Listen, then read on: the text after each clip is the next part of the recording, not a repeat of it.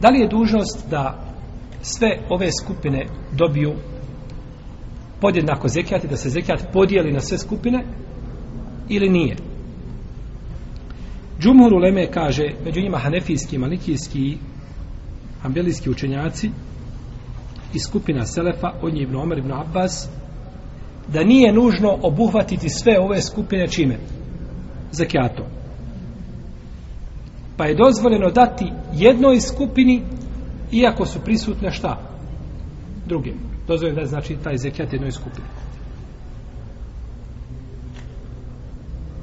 kažu da je uzvišen Allah te barak je ta'ala rekao ili odredio skupine kojima pripada a poslanik sa osram kaže u hadisu tuhadu min agnijajihim o tu reddu ala fukaraihim uzima se od njihovih bogati i daje se siromašnim A pored siromašnje ima šta i drugi skupine, ali tako? Jer siromašnje su dvije skupine. Fukare i miskini.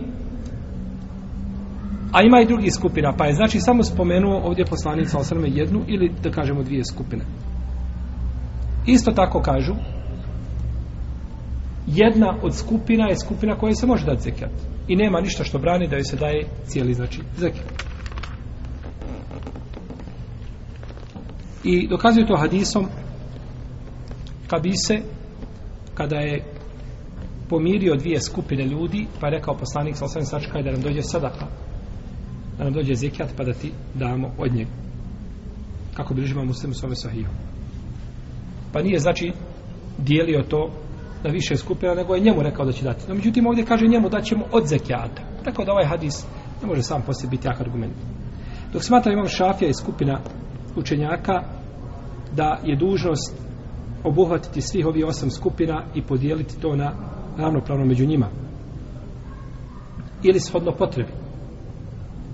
a kaže Ebu Saur i Ebu Ubejd